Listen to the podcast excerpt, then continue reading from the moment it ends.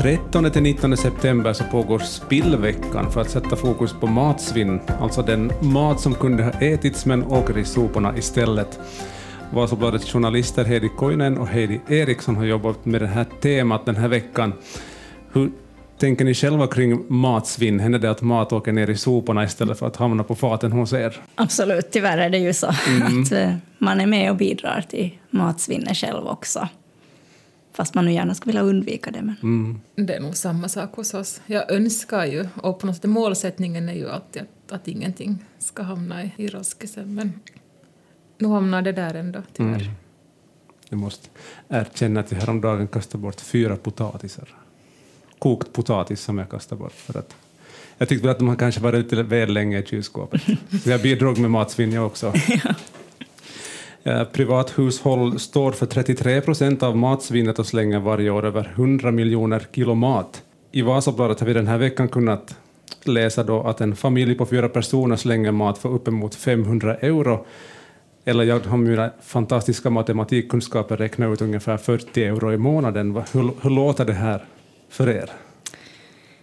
Det låter ju förfärligt. Alltså man, vill ju, man vill ju inte kasta mat. Jag tror inte att någon far till butiken och plockar upp en matvara och tänker att den här ska jag slänga i roskis. ja. att det, där, eh, det är klart att man inte vill bidra till det där, men sen uppstår det omständigheter som gör att man till slut sen ändå väljer att kasta den. Maten mm. hinner bli dålig eller det är andra faktorer som spelar in. Men det är ju förfärligt. Mm. Det är ju mycket pengar. Ja, inte skulle man ju sätta två 20 euros sedlar i roskisen men det är det som i princip det, det handlar om, dem, det är 40 euro i månaden. Eller om man tänker på de här eh, lyxlirarna i Stockholm som vaskar eh, champagne till exempel, så, så, tycker man att det är helt förfärligt också. Ja, men, ja. men, samtidigt hemma i, i varje, eller i de flesta hushåll så sker ju den typen av svinn, men med mat istället. Men vad är det som gör att det, att det uppstår matsvinn, att man hamnar i den situationen att nej, men, nu åker det här i roskisen? Utan, utan att skylla på barnen allt, så, så nu är det ju ofta från deras tallrikar som det skrapas ner, att de har tagit kanske för mycket mat på tallriken, eller så har det inte varit god mat, vill de inte äta det. Och, och sen, ja, ofta hos oss är det om man testar någon ny maträtt och tänker att nu ska vara innovativa och pröva någonting nytt, och, och, så blir det inte så gott som man mm. kanske har trott, och, och så vill ingen riktigt äta det och då, tyvärr. Mm. mm. Ja, det är nog samma sak hos oss. Vi har en fyraåring, att när han var ännu yngre så var det mycket mat som flög av tallriken bara liksom av att rent så här motoriska. Ja, tio euro. Men det där, eh, ja, jag slänger också min egen mat och det, det, ibland är det för att man inte vill mikra den där maten för fjärde gången. Man är helt enkelt inte sugen på den där maten längre. Eller så blir man bortbjuden hem till svärföräldrarna, äter där och glömmer bort den där maten man har tänkt äta och den på något vis försvinner längre och längre in i kylskåpet tills man ändå har hittat den och då är det för sent. Ja. Och jag skulle säga att vi är ganska bra hos oss nu att, att ta tillvara liksom resten och lägga dem i en, en burk i kylskåpet och så tänker man att det här är morgondagens lunch eller det här kan vi äta senare och, och sen så dyker det upp någon bättre lunch nästa ja. dag eller någon godare middag och så blir det bara ah, vi tar det imorgon eller jag tar ja. det sen och sen ja. i något skede inser man nu har den varit där två veckor den här lådan att det här går inte mera. Exakt. Den här matlådan har man ju tittat på då den står där ensam i kylskåpet och väntar på att den ska bli uppäten. Jag brukar ibland göra storkok, men för att få igång det här liksom vardagspusslet så kanske man gör en lite större sats av någonting på söndag och så, ät, så förväntas man äta det till, till typ torsdag. Men eh, i alla fall i mitt fall så är jag kanske lite väl så optimistisk att då det lämnar då så lägger man en, en del av det där storkoket så lägger man i kylskåpet och så, så står den där burken där och man tänker yes, lunchen imorgon är fixad. Och så kommer morgondagen och man tog inte den där burken, det blev något annat istället. Man, man kanske hämtar lunch då istället för jag orkar inte äta den där makaronilådan. Och så står den där, det går det några dagar, det går en vecka, det kanske går en månad tills man inser att man skulle behöva den där burken till någonting annat. och, så måste man ju kasta det och inse att det, det finns liksom pandemipotential i den där burken, i hur, det, hur det ser ut. Vad, vad ska man kunna göra för att som undvika att kasta bort mat? Jag vet att du, Heidi, du skrev en artikel här om, där det fanns lite kon konkreta tips om hur man ska som, undvika det. Ja, ja, jag tycker ju om det här med konkreta tips. Mm. Och det är klart att alla tips funkar ju inte för, för alla, att man måste ta till sig de tipsen som funkar för en själv. Men eh, där finns ju liksom dels Före man far till matbutiken finns det saker man kan göra och det finns saker man kan göra i matbutiken och sen när man kommer hem när man ska förvara den där maten. Att till exempel så kan man ju då före man far till butiken kan man få ta det där kylskåpet mm. eller kanske torrvarorna och se vad det är man har. Så vet man när man kommer till butiken vad det är man behöver. Men det bygger ju på att man ska ha ett välorganiserat kylskåp och ett skåp för torrvaror. Och, så har ni välorganiserade kylskåp och, och skåp?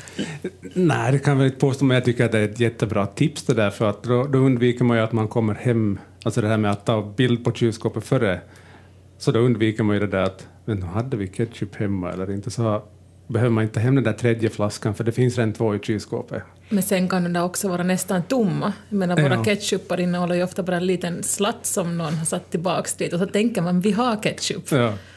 Så. Men då klarar man sig ännu till nästa gång när man får till butiken. Men jag tänker också att det där med att fota, det är klart att du ser ju inte allt vad du har i kylskåpet, men det som du använder mest har du ändå på något vis närmast. Så att just det där att man ser ändå att där finns den där yoghurtburken och det finns bara en mjölkburk kvar eller vad det nu kan vara. Mm.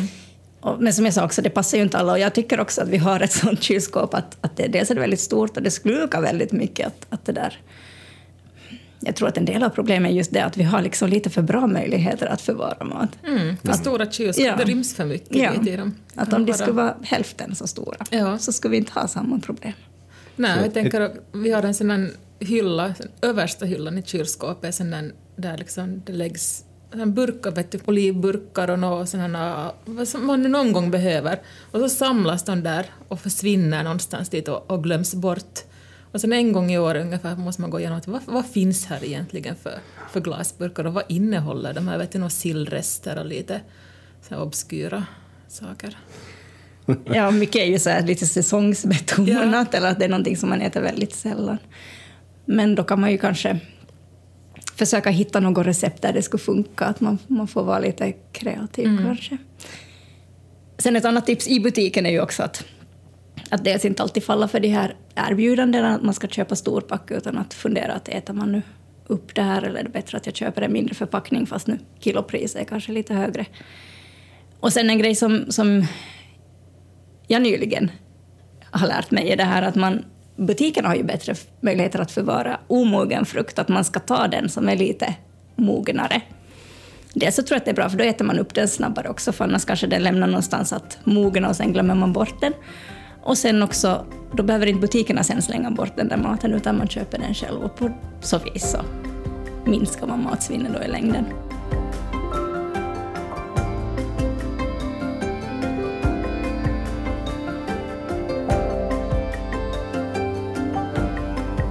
Jag tänkte på det där att det, det är någonting som var och en kanske skulle kunna ta med sig, att faktiskt öva upp sin så här, sina kokfärdigheter. Att eh, man, man tar det som finns och det får bli det som det, det får bli vad det blir, men det är ändå mat.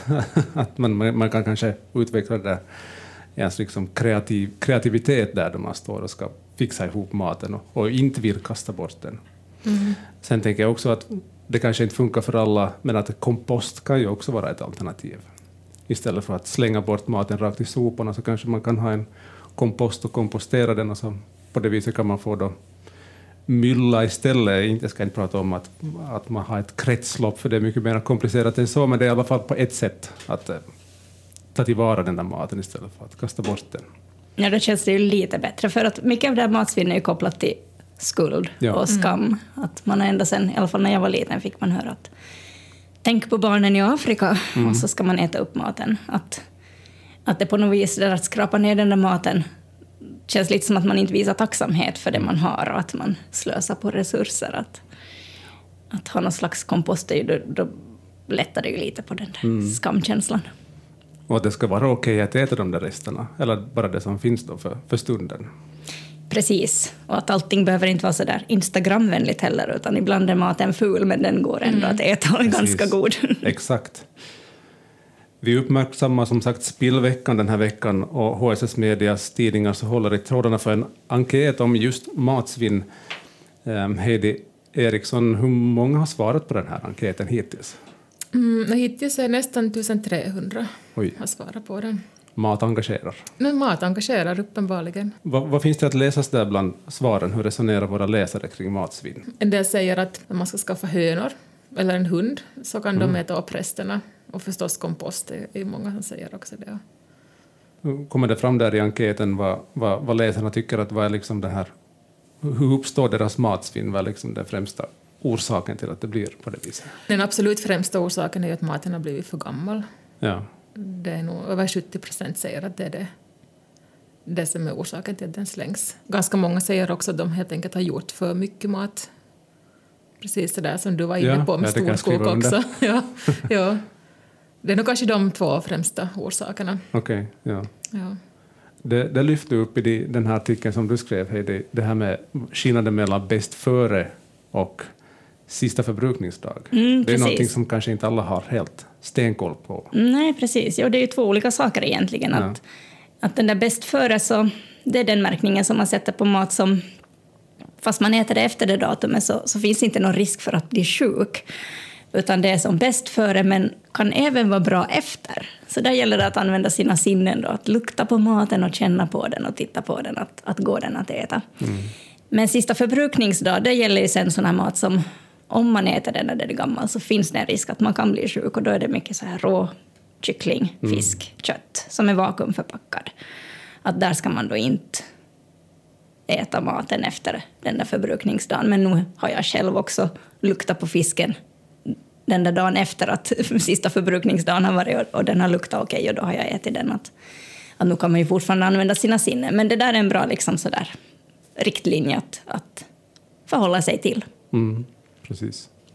Ja, också ifall kan jag dela med mig av det tipset om man har mjölk som har gått förbi datumet, så då kan man ju använda det till till exempel pannkaka istället.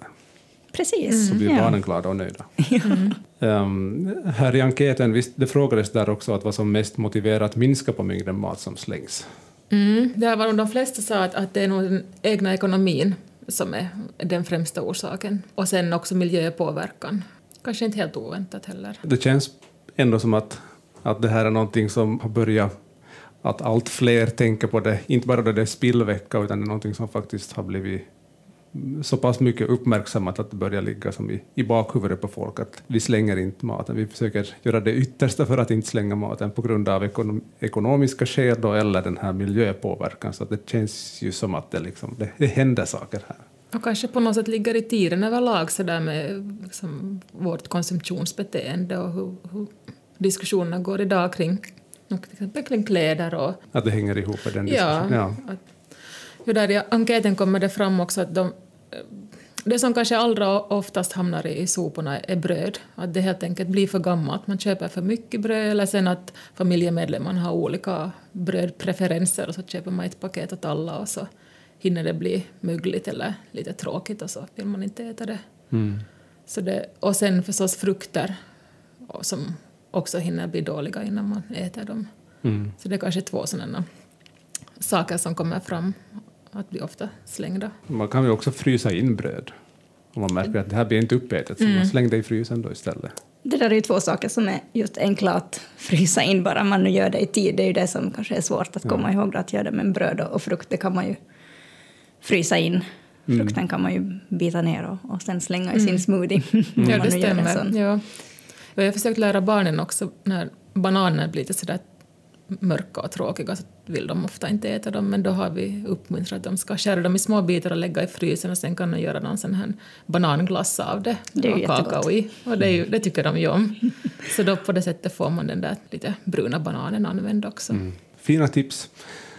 Den här eh, Enkäten som vi pratar om här den kan man inte längre delta i, men håll utkik på nyhetssajterna för där lär det dyka upp artiklar på temat om just matsvinn här inom en snar framtid. Tusen tack, Heidi Eriksson och Heidi Kojonen. Tackar. Tack.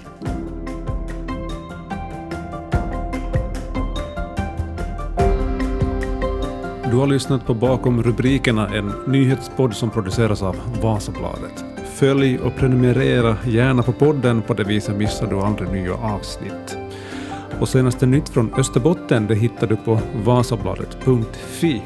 Och visste du förresten att du hör Vasabladets nyheter i Radio Vasas sändning varje vardag klockan 9.30 och 11.30? Bara som ett tips. Mitt namn är Patrik Sjöholm. Stort tack för att du lyssnar. Ha det gott.